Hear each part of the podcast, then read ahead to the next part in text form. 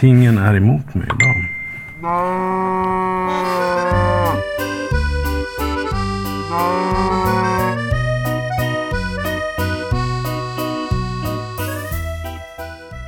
Det här är Ostpodden och jag är Johan. Hjärtligt välkommen till ett poddavsnitt som tar oss ganska precis fyra månader tillbaka i tiden. Till ett par varma, soliga junidagar i Stockholm. Ett par dagar då jag fick chansen att träffa ett helt gäng medlemmar i föreningen Sveriges Gårdsmejerister. Och um, alla har vi ju våra hjältar. Och i det där sällskapet blev jag lite starstruck. Du vet, nästan oavsett åt vilket håll man vände sig så såg man någon av dem som låg bakom en av de där ostarna som jag har sett upp till. I den mån man nu kan se upp till en ost. Men du fattar, en ost som man har haft med på provning för att man vill visa hur bra svensk hantverksost faktiskt står sig internationellt. Eller som man bara tjatat om och berömt i alla möjliga sammanhang.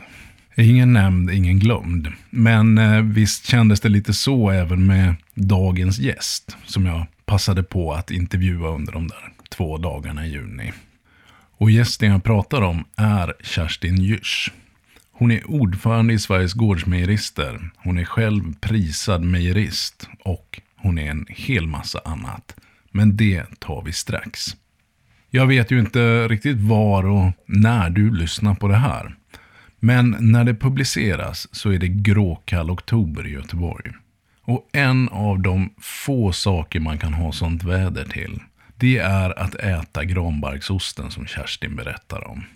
Jag ehm, ska inte gå händelserna i förväg, utan nu tycker jag vi kör igång med att låta Kerstin berätta. Om granbarksost och om en hel massa annat. Men vi kan väl börja med att säga så här att mm. jag har fångat Kerstin Djurs mellan tåget hem och två intensiva utbildningsdagar i eh, regi av Sveriges Gårdsmejerister. Ja, i regi av Sveriges Gårdsmejerister och med ett material som vi har tagit fram i det europeiska nätverket Face Network. I ett projekt som heter Teach Easy som är ett utbildningsmaterial som vi håller på att jobba fram och som snart är färdigt. Och det gäller då för hela Europa eller det är ett samarbete? Ja, det gäller man... för hela Europa och det är de europeiska nationerna som är med i det här Face Network och eh, även projektet Teach Easy som, som står för arbetet men det är ju tillgängligt för hela Europa och faktiskt resten av världen också egentligen men det är ju anpassat för Europa kan man säga. Och anledningen till att, för det är ju du som har hållit i den här utbildningen också. Mm. Anledningen till det, det är ju att du är Sveriges representant där så att säga. Ja. Och det kanske du är för att du är ordförande i organisationen Sveriges Gårdsmejerister. Ja, det hänger ihop. Det behöver inte vara en ordförande i den nationella organisationen som är representant, men i det här fallet är det det då. Och där har vi ju ett styrande råd, kan man väl kalla det för, som består av en medlem från varje medlemsland. Eller en representant från varje medlemsland och sen har vi också en styrelse. Och där är jag med som vice ordförande i styrelsen för Face Network. Då. Sveriges Gårdsmejerister då? Vad är det för något? Det är en branschorganisation, en ren branschorganisation för eh, svenska gårds och hantverksmejerister. Den är ju nationell. Och eh, den eh, tar emot folk som är eller håller på att bli gårds och hantverksmejerister. Och ett nätverk som ska stödja, hjälpa, utveckla, utbilda, inspirera, kanske lite mer också. Bidra med lite socialt uh, umgänge kanske, både mm. på nätet och med träffar ibland i verkligheten. Ja. Och vad, vad, är en, en gårds eller hantverksmejerist? Var, var drar man gränsen så att säga? Eller?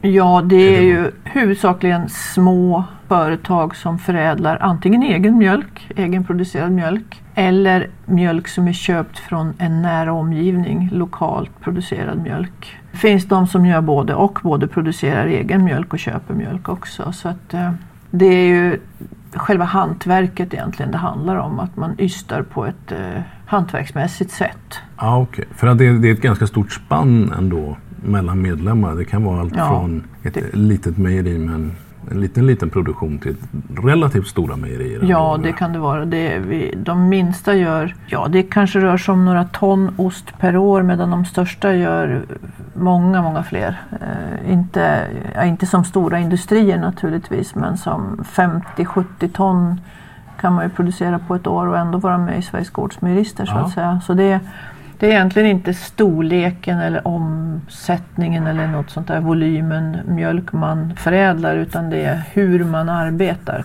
som är avgörande. Det hantverksmässiga Ja. först så att säga. Ja. Lite grann historik där. Skulle du vilja ta det? Historiken är sådan att föreningen bildades 97 och den bildades ju av då en av de som har varit med idag, Kerstin Johansson, som nu jobbar som eh, mejerist på Almnäs i Västergötland. Ett, ett av de stora mejerierna där är hon ansvarig för ystningen där då. Och hon bildade den här organisationen 97 för de tyckte att det behövdes någonting som samlade gruppen, då den väldigt lilla gruppen ska man ju säga, gårdsmejerister som fanns då. Eftersom man har ju mycket gemensamma intressen, gemensamma problem och behöver just det här nätverket och stödet från varandra. Så då startades det som södra Sveriges gårdsmejerister men det blev ju snart Sveriges gårdsmejerister.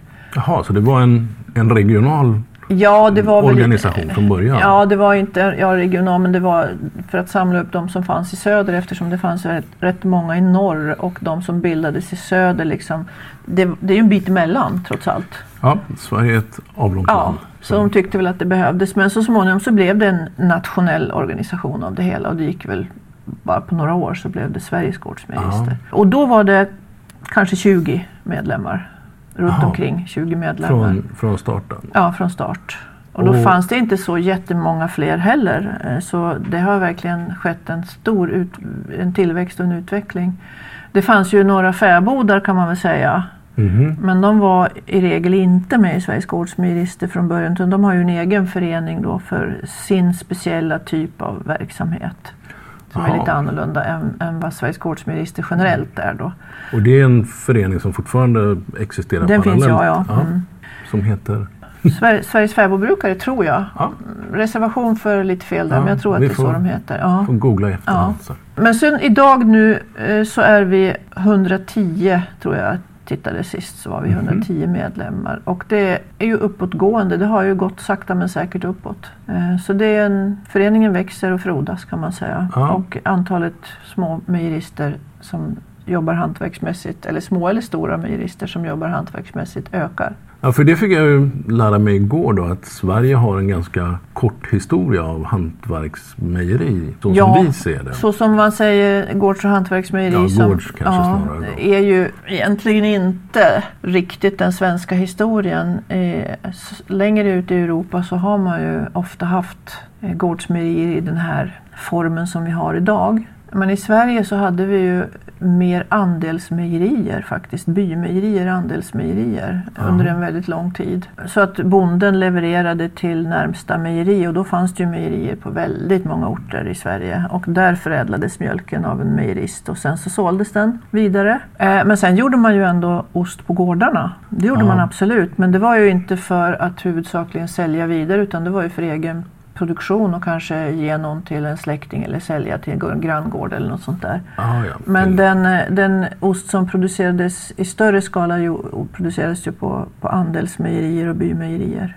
Så, Så, det, är men- den, det är mer den svenska traditionen som jag ser Ja. det. Och sen så du uppe i norra Sverige var, var ändå, vad ska vi säga, låg ändå före södra Sverige när Ja. det gällde gårds och hantverksmejerier? det, eller? det fanns ju lite mer av traditionen med, med get, mejeri, getost Ja, fanns ju kvar där lite mer. I bergstrakterna i fjällvärlden hade man ju lite mer getter och, och det var lite mer spår av produktion eller vad man nu ska kalla det för. Rester av, eh, av eh, produktion av, av ost fanns kvar där och intresset att börja om med den här typen av produktion startade väl lite grann där också kan man säga. Mm.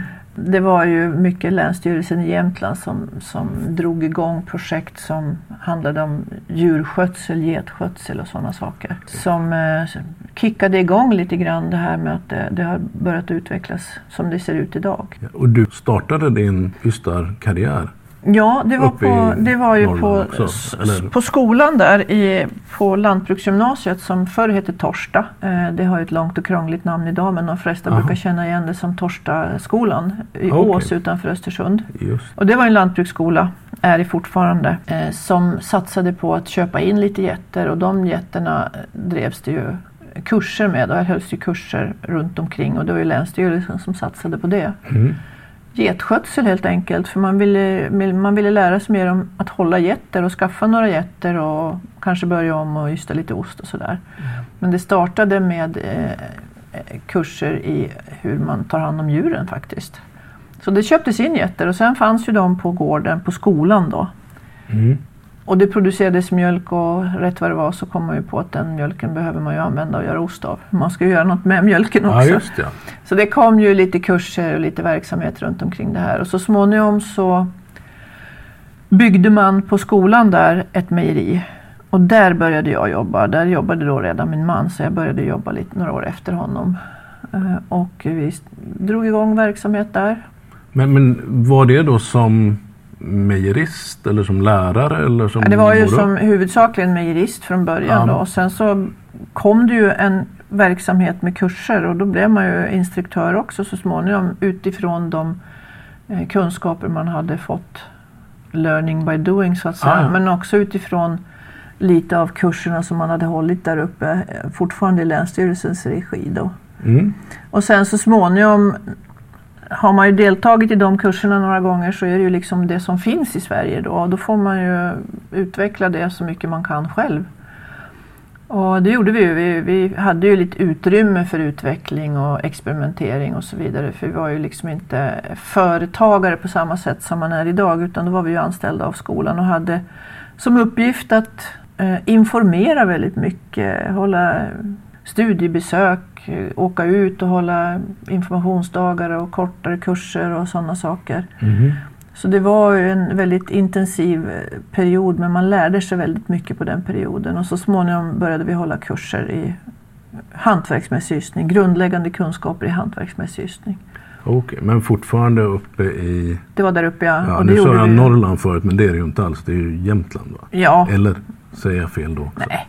Jämtland ligger i Norrland. Ja, okej. men det, det var ju där på den skolan och det var ju skolan som drev det. Ja. Och som vi eh, körde då några veckolånga kurser per termin för Mm. eh, människor som ville lära sig ysta.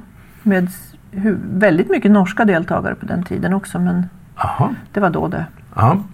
Jaha, de har etablerat sina egna... Ja, de har mycket egna verksamheter över hela landet, utspritt över hela, flera olika eh, utbildnings och utvecklingscentra i landet då, som står för det i Norge. Så de eh, behöver inte åka till Sverige längre. Nej, nej. Men då fanns det inte i, i Norge så att det var därför de kom över. Det är ju nära upp till, till Jämtland för många av dem. Ja. Men jag till, tillbaka lite grann till gårdsmejerister, Sveriges gårdsmejerister. Jag, jag kan själv tycka att i början, eller när mitt ostintresse skenade, Ja, så var det ganska svårt att hitta, ja, överhuvudtaget hitta svenska ostar. Annat än de, de här massproducerade. Och ännu svårare att hitta riktigt bra ostar. Personligen tycker jag det, idag finns det ju, kanske är lite svårt att få tag i dem fortfarande.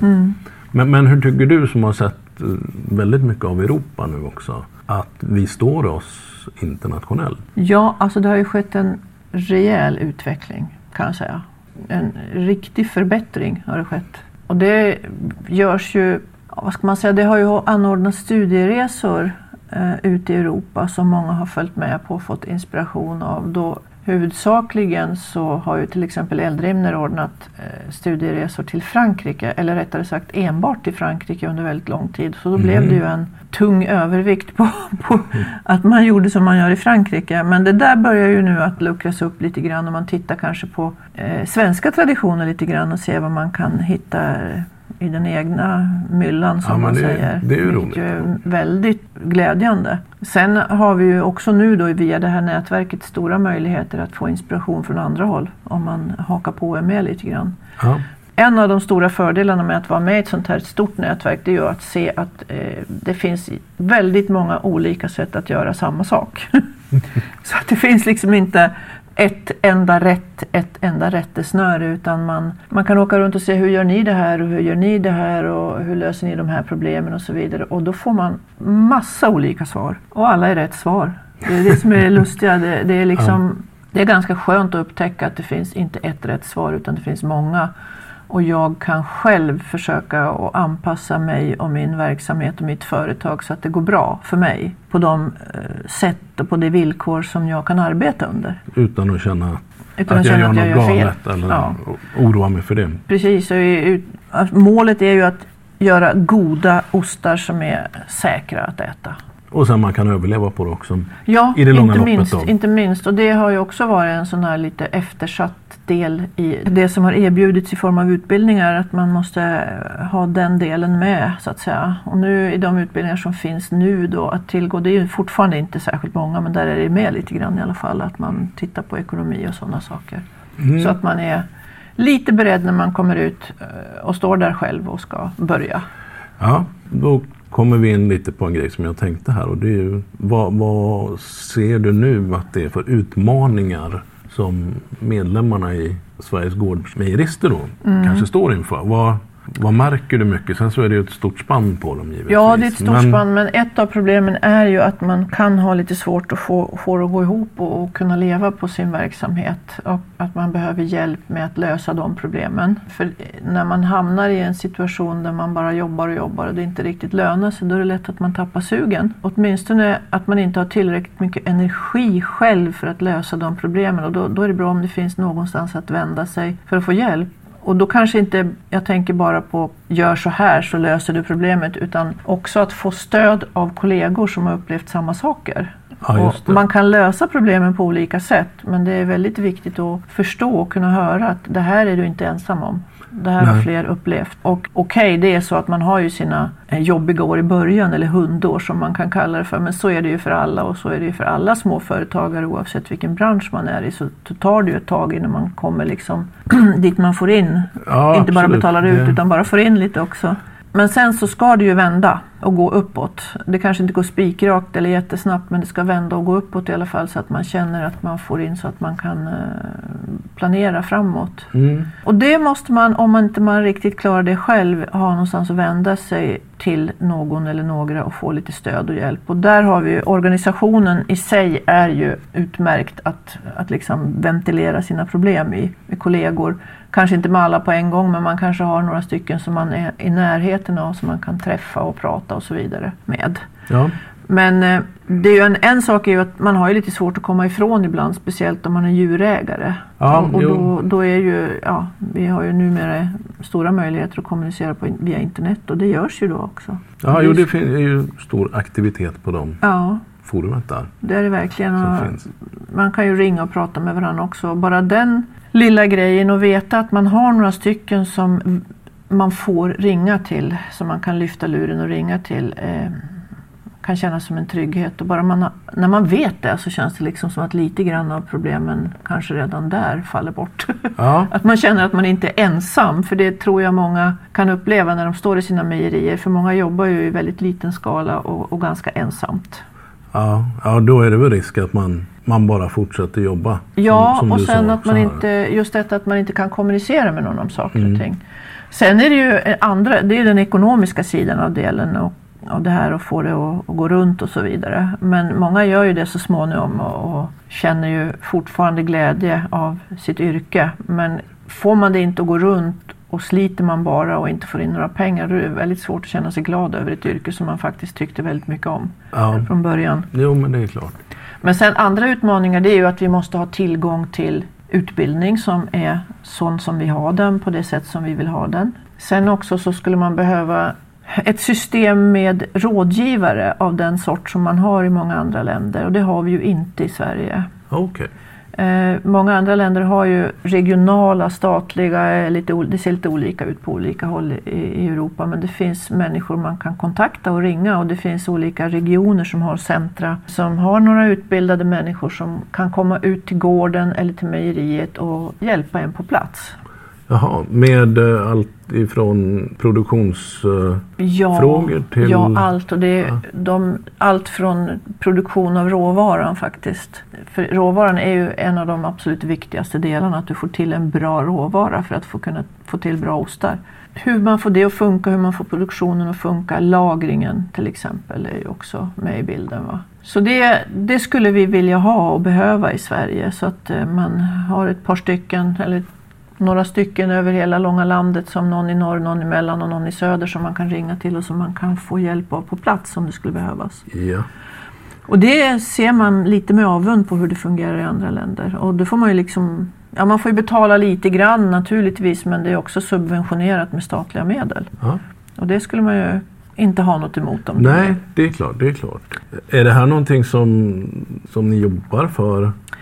Nej vi, har Någon- inte, nej, vi har inte gjort så mycket aktivt för att få till det här. Vi har pratat om det och önskat det men det är lite svårt också att veta vad man ska vad ska man eh, vända sig någonstans för att få igång Ja. det här? Man måste ju ha tag i någon människa som verkligen kan eh, förstå behovet och som kan eh, få loss pengarna och, och skapa en organisation för den här, hur man utbildar dem och så vidare. Ja, Och det, det vet jag inte riktigt hur långt upp man ska gå för att få till det men jag misstänker att det måste vara ganska reellt förankrat långt upp i hierarkierna för att det ska fungera på lång sikt. ja, sannolikt om det, ja, om det ska vara något som, som blir mer eller mindre permanent. Ja, och, och som ska få kosta pengar också. Ja. Så. Och sen helst att man åker ut och tittar på hur det ser ut i de länder där man har det och där, där det fungerar också. Ja, just det. Sen har vi ju ständigt närvarande kontroller och myndigheter och sådana saker och kostnaderna för detta det är ju något som vi alltid har kämpat med. Man behöver lite annan kunskap för småskalig och hantverksmässig produktion än vad man gör för den stora eh, processindustrin. Och sen att man anammar detta med flexibiliteten för det finns ju något som heter flexibilitetstillägget i lagstiftningen då. Som faktiskt lämnar mycket utrymme för att ha en flexibel syn på de här kontrollerna som de ska göra. Att titta på vad som är möjligt och inte möjligt. Vad man har för utrustning, för, för möjligheter överhuvudtaget att, att göra det ena eller det andra. Ja, ja. Och det Och hitta alltså... vari- varianter på hur man löser ett problem. Att man Ja. kan verkligen lösa problem på många olika sätt. Som, som jag sa förut, som man får se också när man reser runt lite grann. Just det. Och flexibil, det är alltså flexibilitetstillägget är, finns i lagstiftningen, Ja, eh, regelverket det. kring ja, det här. Det gör det. Och det finns i, alla länder kan använda det Ja. och uppmuntras ju av EU att göra det också. ja, för det där, jag tycker ju själv att när man är på väg in så känns det ju som att slåss mot väderkvarnar lite grann. Eller svårt att greppa alltihopa. Det, ja, det är tyvärr så att man kan känna det så eh, när man kommer ut och ska starta sin verksamhet. Och där är, vill jag verkligen rekommendera att man går med i det här nätverket för där kan man få lite stöd och lite, ja, höra att man inte har, är den första som har haft de här problemen. Och de problem som uppstår har ju lösts på olika sätt så det finns liksom ingen patentlösning att få. Även Nej. om man går med i nätverket så kan man liksom inte få punkt 1 till 10 gör så här så är allting Nej, klart. nej, det är inte det så det är utan det beror väldigt mycket på de förutsättningar man har för sitt eget företag. Hur stort man eh, satsar och vilken kommun man slår sig ner i. För kommunerna har lite olika eh, regler när det gäller bygg och sådana saker faktiskt. Så det är inte li- Ah, exakt likadant Nej. överallt. Men eh, man kan få liksom en vägvisning. Du ska gå åt det hållet när det gäller få hjälp med bygg till exempel. Ja, okej. Och det är ju också ett av problemen att man om man vänder sig till kommunen eh, så får man inte stöd och hjälp med hur man ska bygga utan man får, man får ofta höra att ja, rita en ritning och bygg så kommer vi ut och tittar och ser om det är bra eller inte. Och när det gäller just detta så är det ju nästan ironiskt att säga så till en som inte har miljoner att satsa. För bygger man fel och måste bygga om så är det ju det, det önskar man ju att någon skulle ha kunnat säga i förväg i så fall. Ja, det känns som att verksamheten kan vara, ta slut där Ja. och då. Och det, Eh, innan det där börjar, är ju också en sak som man behöver lösa på ett vettigt sätt tycker jag. Att man, den som behöver råd om hur bygge ska gå till. Man vet ju vilka behov man har, vilka funktioner man behöver. Men man vet inte alltid byggtekniskt allting. Det är liksom, att begära väldigt mycket av folk att de ska förstå allt detta. Ja, det, det är ju en, ett specialområde i Ja. sig såklart. Visst, och det står ju i lagstiftningen hur det ska vara utformat och se ut men det är ju alldeles för generellt för att räcka som, som hjälp när man ska bygga ett nytt mejeri med alla de eh, ja, vatten och avlopp och allt möjligt sånt Ja. där. Och inte minst funktionerna inne i mejeriet för att det ska stämma med hur en inspektör ska titta på saker Mhm. och ting. Dessutom är ju de också olika människor och bedömer olika. Men det är väl samma sak där som med att man löser saker på olika man ser saker på olika sätt också och Ja, tillämpar bestämmelser på olika sätt Visst. kanske. Men, men samtidigt så är det så att eh, ska man följa en lagstiftning som vi är skyldiga att följa också, då får man inte vara hur olika som helst. Och det är därför det, är därför det finns flexibilitetsmöjligheter också, att man ska kunna vara flexibel när, det, när man inte kan följa en lagstiftning som ser ut liksom, du måste göra så här. Finns det inte möjlighet att göra just så där så kanske man kan göra på ett annat sätt. Men något som vi också pratar om här är att nå ut till återförsäljare, grossister Ja, och kunskapen där hela vägen ut till ostdisken så att säga och, Ja. och restaurangerna också kanske som serverar ost. Absolut. där finns ju ostfestivalen tänker jag. Ostfest, va? ostfestivalen Ja. finns och där har vi ju eh, i viss mån då bjudit in också ja, återförsäljare och så vidare. Och det har ju gått sådär, det har gått hyfsat men inte sådär riktigt bra som man skulle kunna önska kanske. Och jag tror också att eh, återförsäljarbranschen har åsikter om att det kunde bli bättre. Att vi kunde bli bättre på det när det gäller ostfestivalen. Ja. Så eh, den har ju gått av stapeln i Stockholm Mm. eftersom det är lätt att ta sig dit och vi har en stor publik där och så vidare och många återförsäljare är ju i närheten och så. Och den kommer ju att fortsätta att vara där just därför att vi vill ha någon typ av festival eller happening centralt och lätt nått för alla. Ja, ja. Sen är det ju ändå så att Sverige är långt för alla kan inte komma men någonstans måste man ju vara. Och där, där har vi ju försökt att eh, få in både stora och små mejerier för ostfestivalen är ju till för att hylla och lyfta svensk ost. All svensk ost Ja. så att säga. Och de stora mejerierna är ju också inbjudna och kommer ibland och inte ibland sådär. Va? Och det är lite, så är det ju med de små också men det är huvudsakligen hantverksproducenter där. Men de stora finns ju också på plats. Så där tävlar vi ju, vi har ju osttävlingar där då. Och där kan man ju lämna in ostar från alla mejerier till tävling och bedömning. Ja, Okej, så det är tävling. Ja, jag har lyckats missa den. Varje år som jag har vetat om att den har funnits så har jag lyckats missa den också. Och den ligger ju i februari någon gång i Stockholm Ja. då, och kommer ju att hållas nästa år också. Mm. Eh, vi har varit på Münchenbryggeriet nu några år och eh, jag kan inte säga med s- 100% säkerhet att det blir där nästa år igen men jag tror det. Annars blir det ju någon annan lokal i Stockholm då. Ja, precis. Februari ungefär. Och Stockholm. Mitten på februari någon gång ja. Mm. Och det bra tips i alla fall för den som vill. Är man ostintresserad så är det ju absolut ett, ett bra ställe att Ja. eh, besöka. Och där har vi ju sagt då att vi måste försöka att jobba lite grann på det här med återförsäljarna. Att se till att alla återförsäljare känner sig välkomna dit, att vi vill ha dit dem. Mm. Att vi får göra någonting som gör att man lyfter deras roll lite grann också. Och det har vi ju även på annat håll försökt att börja prata om och tänka lite på.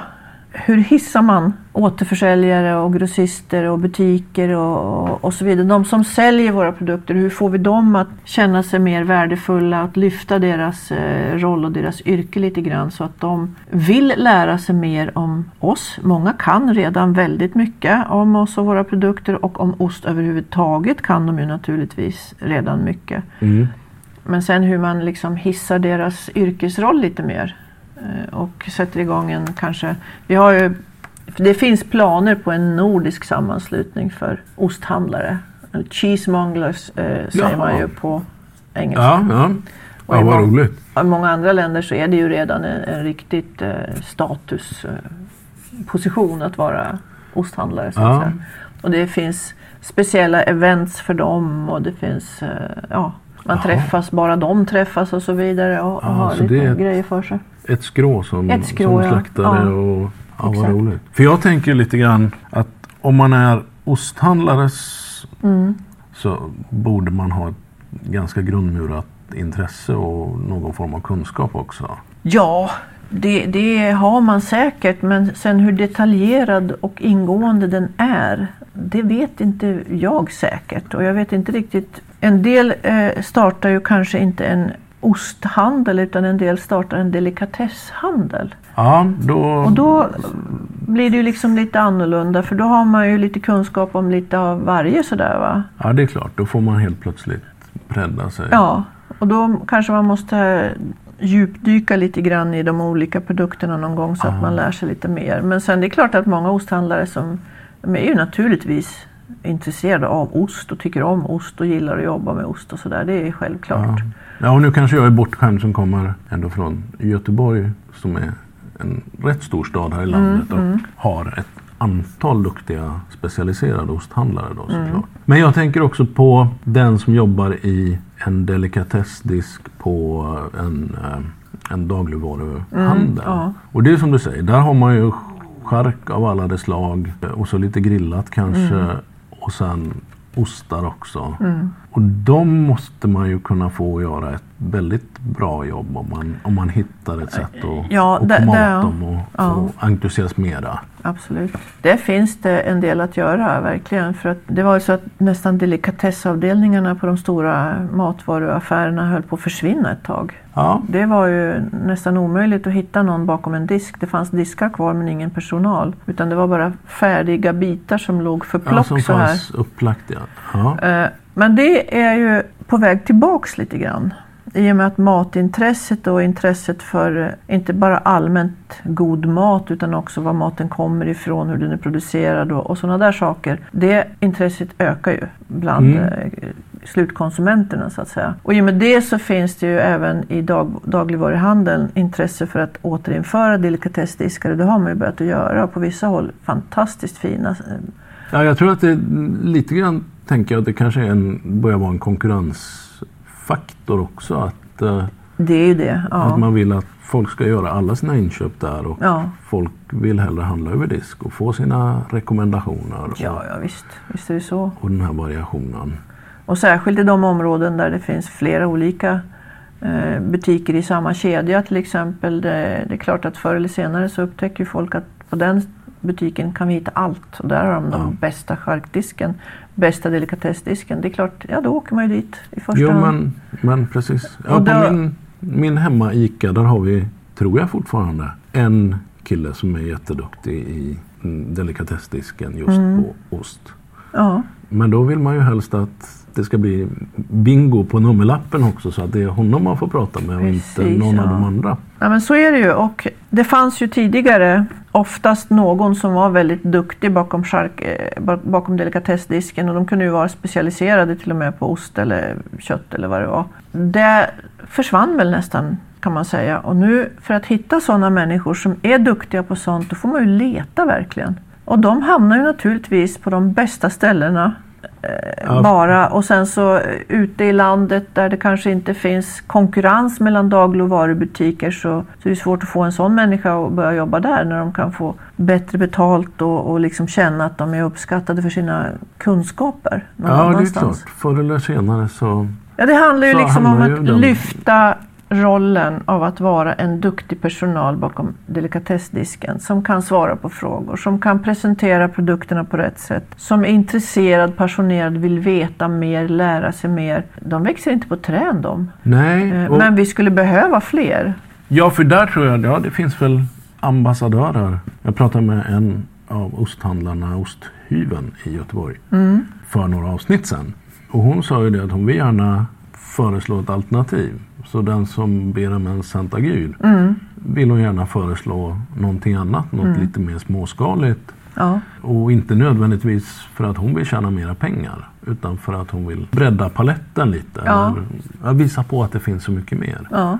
De personerna vill ju vi se fler av naturligtvis eftersom det är, det är de som kan eh, sälja våra produkter på rätt sätt. Det är klart att vi skulle tjäna på det och även butikerna skulle tjäna på att det fanns möjlighet att lära sig mer om det. Och där känner vi väl från Sveriges Gårdsmejerister att kan vi hjälpa till med det här på något vis, bidra med kunskap och så vidare så gör vi ju naturligtvis gärna det.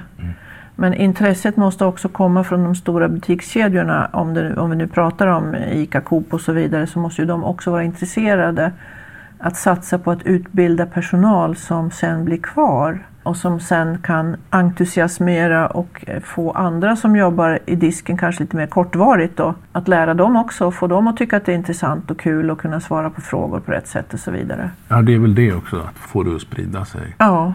Men hur upplever Sveriges, alltså våra gårdsmejerister, är det svårt upplever man att komma in i butiker? Kanske både specialiserade osthandlare och eh, mera ICA-butiken? Ja, de stora kedjorna är ju de som har varit svårast att, att liksom komma till för de har ju enligt vad de själva säger i alla fall väldigt styrda regler uppifrån och så vidare. Hur det ska gå till och hur man ska köpa och mm -hmm. leveranser och sådana saker. Men samtidigt så är ju varje butikägare egenföretagare och kan styra och ställa ganska mycket över sin butik. Så att många, har man en intresserad butiksägare som dessutom råkar ha en personal som tycker det är kul, då är det ju mycket lättare att, att sälja till den, just den speciella ICA-butiken. Om vi nu pratar ICA, det finns ju hur ja. många som helst. Men annars så är det ju inte så lätt kanske. Och det som brukar vara den slutgiltiga grejen som gör att de kliver över den här tröskeln så att säga, det är att kunder börjar fråga. Ja, kommer och frågar efter detta. Och nu har ju i alla fall ICA själv gått ut och sagt att de är väldigt intresserade av småskaligt och så vidare. Hantverksproducerat, lokalt producerat.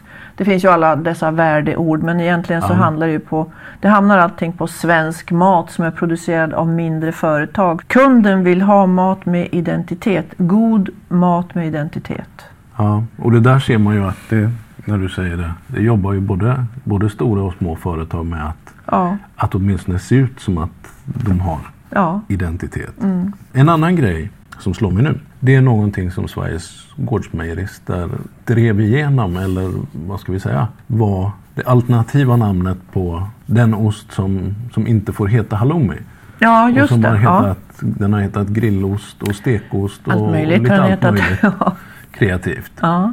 Men nu finns det ett namn som bara medlemmar i Sveriges gårdsmejerister får använda, eller? Ja, Precis så är det. Och det är föreningen Sveriges gårdsminister som har ansökt om namnskydd då.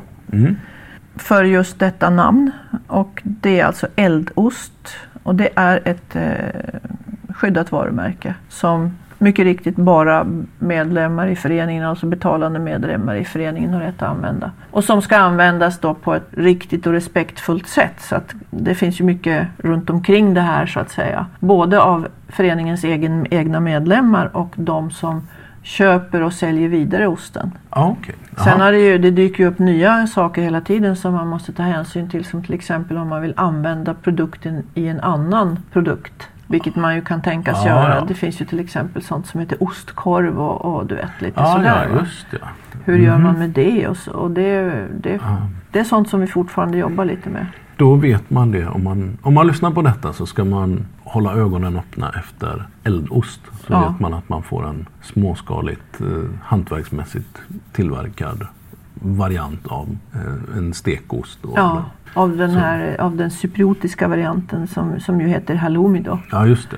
Eh, men som vi inte använder. Och det här med att det har varit i, i eh, media om folk som har försökt att använda det namnet eller liknande namn som har fått ja, blivit påpekade från högre ort eller från de som egentligen har rätt till det här namnet då, att de inte får använda det.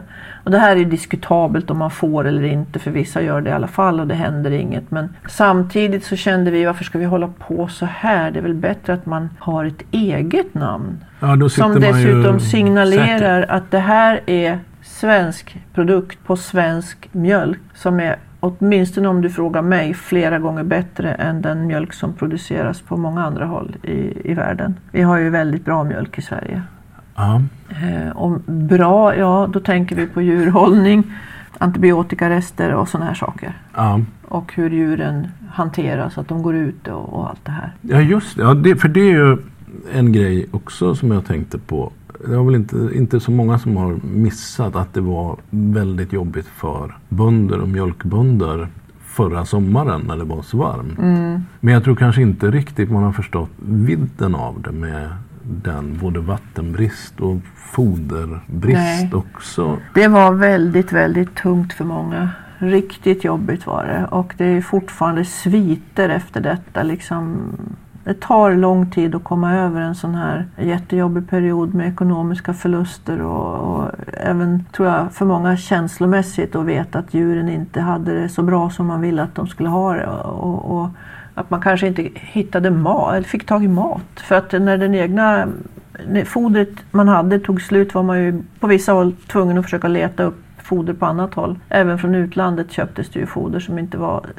toppkvalitet alla gånger. Nej, nej, man var tvungen att ta vad som Ja, vad som egentligen. Ja. Och eh, många ställde ju upp och, och tog foder från eh, områden, marker som kanske inte användes och var väldigt eh, lojala och hjälpte till. Men det är klart, det behövs mycket när man har en stor kogård med många djur. Både när det gäller foder och inte minst vatten. För Ja. kor behöver ju mycket vatten. Mjölkkor Ja. dricker mycket vatten.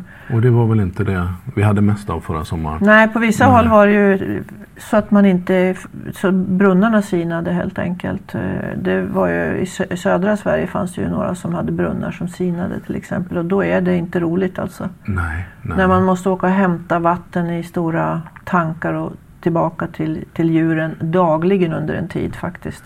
Och det här ledde till och med till att man fick lov att, att slakta. Ja, man fick slakta ut Djur för- men det var inte heller lätt för att slakterierna hade kö. Hela den här tror jag, den hade inte, var inte riktigt klar för mig i alla fall. Hur, Nej, det, är- nej är man inte liksom insatt i hur bönder jobbar så... händelsekedja. Nej, det ena ger det andra. ja. Och, och, nej, det var riktigt tungt och tufft att höra hur de hade det. Och Ja. Vi som köper mjölk får ju naturligtvis höra mer av hur, en bonde har det. Men även de som själva producerar mjölk fick ju känna av det där.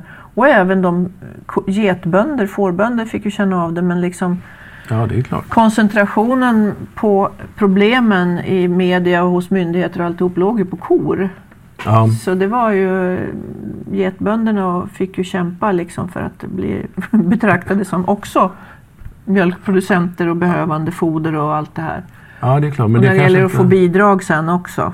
Ja, så var det också. För ja, det skulle klart. man ju inte få då. Men Nähä. det fick de ju men det var ju liksom det lilla om man säger så. Hur, har du någon uppfattning om hur ser det ut för i år?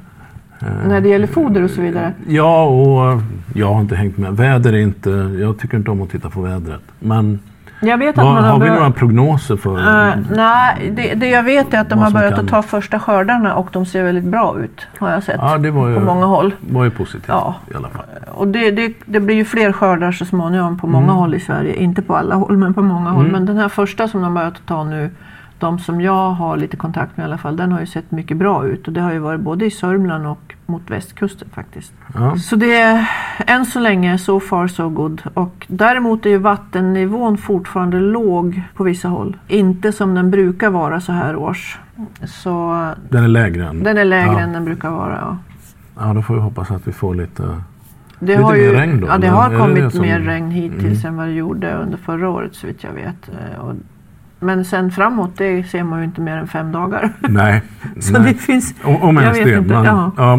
Är det någonting mer om gårdsmejeristerna som vi ska, ska Ja, tillägga? ja, det känns i och för sig som att vi skulle kunna hålla på Mm. ett tag. Men eh, det finns ju annat att göra också här i, i världen. Ja, nej, men jag- Tåg som väntar om inte annat. Ja, Ja. Nej, men vad jag skulle kunna säga som jag tycker är lite roligt det är att man faktiskt, det kommer nya unga producenter. Eh, och nya är bra och unga är bra faktiskt. För det var ju under en period så var ju inte de nya som kom in kanske så unga och det var ju för sig inget fel på det va. Men man vill ju gärna att ens bransch ska vara så attraktiv så att unga människor satsar på den från början Mm. och känner att det där vill jag göra, det där verkar roligt, dit vill jag. I början var det faktiskt ofta människor som hade haft en karriär och sen tänkte ja men nu ska vi hitta på något annat. Mm. Och då har man ju i regel de åren bakom sig som man har sämst ekonomi Mm. och Det sämst med tid.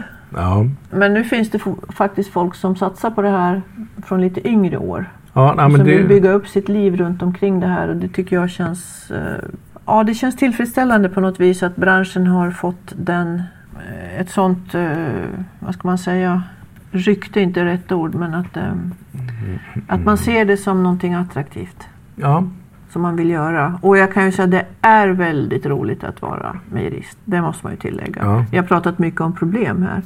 ja jo i och för sig. Och det blir ju Mm. naturligtvis så. Men samtidigt så måste man ju tillägga att det här är väldigt roligt. Och vi har en väldigt god sammanhållning i branschen. Vi har en, en god och öppen eh, eh, attityd gentemot varandra och hjälper varandra väldigt mycket och stöttar varandra när vi kan. Kan man så kan man, kan man inte så skickar man vidare frågan till någon annan. Ja. Men kan man så svarar man ju och hjälper den som behöver hjälp med vad det nu kan vara. Ja, jag, jag har haft förmånen att träffa fem mejerier var det väl som var här Ja, under utbildningen. ja, nu. Och det har ju som sagt, det var ju väldigt positivt. Det är och väldigt en väldigt, som du säger, väldigt öppen stämning. Mm, det är det. Och eh, sen är ju själva yrket i sig väldigt roligt. Och det var ju som Lena pratade om här precis innan hon åkte iväg. Att eh, man lär sig hela tiden. Det är liksom inte sånt man lär sig och så jobbar man och så lär man sig inget nytt utan man bara blir uttråkad efter några år. Utan man lär sig hela tiden. Och det, för mig personligen så tycker jag det är väldigt bra att det är en kombination av teoretisk och praktisk kunskap. För jag har eh, märkt att är det bara teoretiska saker det handlar om då, då kan jag bli uttråkad. Ja. Är det bara praktiska saker det handlar om då kan man också bli lite uttråkad eller trött på det hela. Men när man får kombinera ihop teori och praktik så blir det helt plötsligt mycket mer. Det tar liksom aldrig stopp hur mycket man kan lära sig. Nej, för det, jag har ju börjat förstå ska jag väl säga. Det är ju ganska avancerade kemiska eller biolo, vad heter det? biokemiska eller något sånt det är där. det. Ja, det är mycket Förklaringsmodeller kemi. Ja. på vad som egentligen Mycket händer. mikrobiologi och mycket av det här eh, kan man lära sig baskunskaper om och sen kan man lära sig ytterligare lite mer och lite mer och lite mer. Och allt man tar till sig blir ju roligt så småningom när man kan eh, försöka omsätta det i praktik också.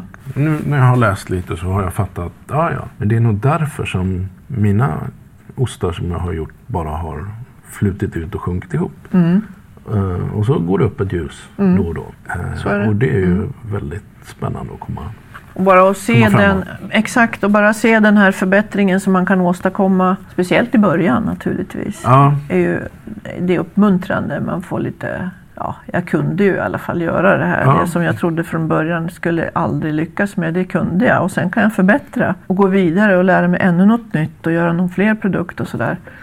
Nu pratar vi bara om ost, men vi har ju smör, vi har yoghurt, vi har eh, ostkaka, traditionella produkter. ja. Allt det här som ja, man vad kan var det göra. åt? Äggost? Äggost är ju rätt mycket från västkusten så jag Ja, precis. Ja, Jo, det finns ju tradition. så, så det har jag hittat Mm. där nere. Så det, det är liksom en väldigt stor skål att ösa ur det här. Ja, jo, och sen så som jag har känt här också. Att ju mer man lär sig desto mer inser man att man inte kan. Ja, På något sätt. så är det. Och den, den, eh, just det där måste man acceptera. Ja, När man har accepterat det och eh, liksom öppet säger ja, jag kan en hel del men jag har mycket att lära. fast det är ju som du säger. Det är ju då det blir kul. Ja. Och något man känner kanske att man kan hålla på med. Absolut. Och som du har märkt när vi pratar utanför kursprogrammet så är det ju liksom allt möjligt som vi verkligen gillar att prata om med varandra. Och Ja, höra hur någon annan, vad säger du om det här? Det, det blir väldigt pratsamt många gånger men det är också det som är roligt. från att hur man diskar, formar eller gör sina egna grytor till eh, Ja. allt vad det har varit. Ja.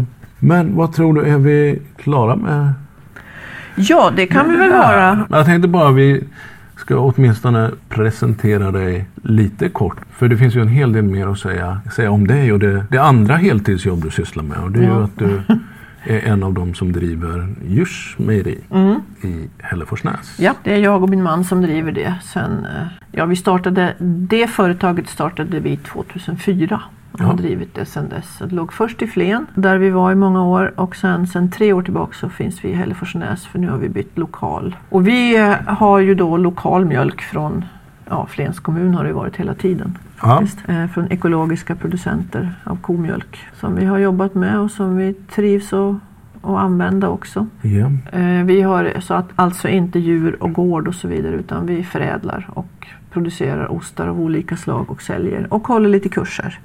ja, just det. Det Det gör vi också. Och det gör vi nu sedan 2004 och innan dess jobbade ju vi på utbildningsmejeriet i Ås utanför Östersund. Där. Ja, just det. Ja, det var där vi började I många faktiskt. år, Ja. Och ni, jag tror faktiskt vi, jag har hotat att hälsa på er någon gång. Ja, Och då tror jag att vi ska ta ett ordentligt avsnitt om, om det också.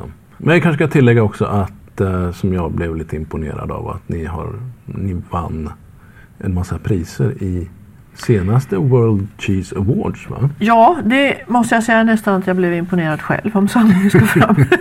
Nej men vi har ju varit med eh, och tävlat i just detta år då. Nej vad säger jag nu? Det är ju förra året i november hände ju Just det här. det, 2018 då alltså. Mm. så åkte vi ju dit och var med på plats också och lämnade in ostar. Och dels fick uppleva hela den här stora tävlingen och hur häftigt det var att se.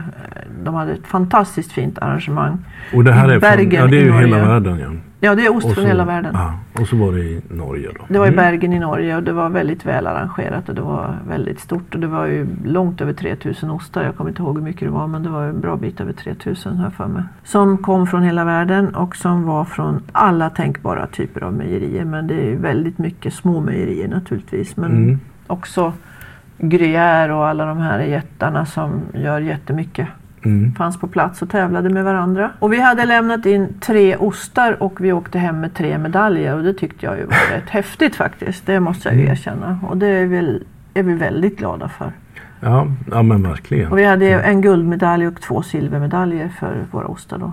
Och det var vilken typ av ost? Eh, den det? som vi fick guldmedalj för är, heter granbarksost och det är en ost som vi gör sedan lång tid tillbaka och som är en ost som man ska smälta i ugnen. Man sätter in den i Ja. ugnen och smälter den och äter den med olika tillbehör. Då. Är det lite samma som den här Montor? Den, lite va? så fast den är eh, vi har ju anpassat den lite efter Mm. våra önskemål. Så vi har ju inga sådana här spånaskar och grejer runt omkring. Nej. Utan vi säljer den som den är med en ring av bark omkring. Och så sätter man in den i ugnen och eh, värmer den Ja. så att den smälter. Och så doppar Ja. man bröd eller grönsaker eller vad man vill. Har blivit jättegott och populärt. Det är väldigt gott ja. jag har inte provat den, men jag har Mm. Nej. provat Montor. Sen har vi en blåmögelost som heter Sörmlands ädel. Den fick en silvermedalj. Och en hårdost som heter Malma och den fick också en silvermedalj. Okej. Så det kändes roligt. För det Ja. första naturligtvis att man får den här bekräftelsen på att det var bra och att även vara där på plats och se hur allting gick till. För det var ja, jag är imponerad av de som bedömer det här också. Det, det här drar ju till sig ostmänniskor från hela världen och eh, det är lite också sådär lite prestige att få vara med som domare där. Så det är ju inte vem som helst som kan slinka in där inte. Nej. Hade vi några svenska domare med? Vet du det? Eh, ja, det måste vi ha haft. Nu måste jag tänka. Jag kommer faktiskt inte ihåg på rak arm hur det var med det, men det måste vi ha haft. Jo, jo, jo, det var ju osthandlare med där. Jaha. Ja. Men exakt vilka som heter vad där, nej, Nej. jag törs inte säga det. Men Nej. det var, det var folk Ja, okej. från Sverige också. Eh, och från Norden och eh, det var Brasilien, Japan, Argentina, allt det liksom. Det är verkligen hela världen. Ja. ja, vad roligt. Också en grej jag missade. Och... Eller är det ett sånt arrangemang man... Årligt arrangemang. Men vill man vara där som publik? Eh, Eller är det bara... In, I Bergen var det väldigt dem? välordnat för publiken. Ja. Eh, För där var eh, bedömningen synlig. Mhm. Det var en jättestor rink i mitten Jaha. med flera, flera långa bord där ostarna låg exponerade. Och som besökare kan man inte gå in innanför. Däremot kan man stå på avstånd och titta på juryerna när de dömer, smakar, noterar, pratar med varandra och allt det här. Så det tyckte jag var lite kul också. För det har tydligen inte alltid varit så.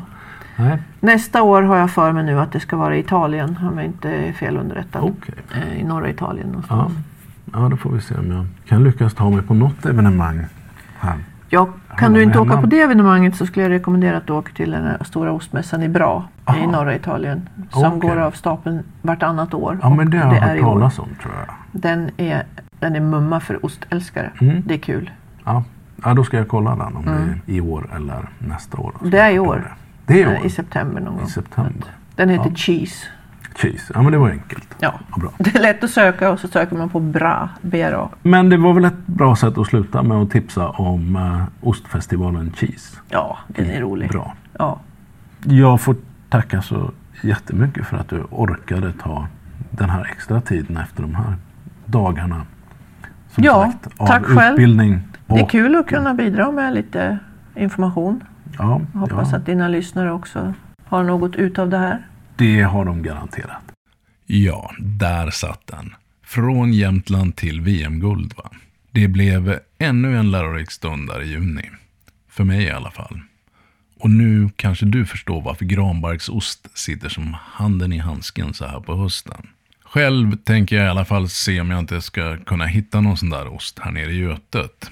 Och ehm, skulle inte det lyckas så vet jag att det faktiskt går att beställa osten på nätet direkt ifrån Djurs mejeri. Nästa gång vi hörs så hänger vi faktiskt kvar i Mälardalen och ehm, pratar bland annat med en bekant till Kerstin. Världen är ju rätt liten och eh, ostvärlden är definitivt inte större. Och som vanligt, ladda ner appen Mathantverk så hittar du massor av sköna mathantverkare runt om i Sverige. Och surfa in på Sveriges gårdsmejeristers hemsida så hittar du en karta och information om alla medlemmar. Sen är det bara att börja planera höstens utflykter.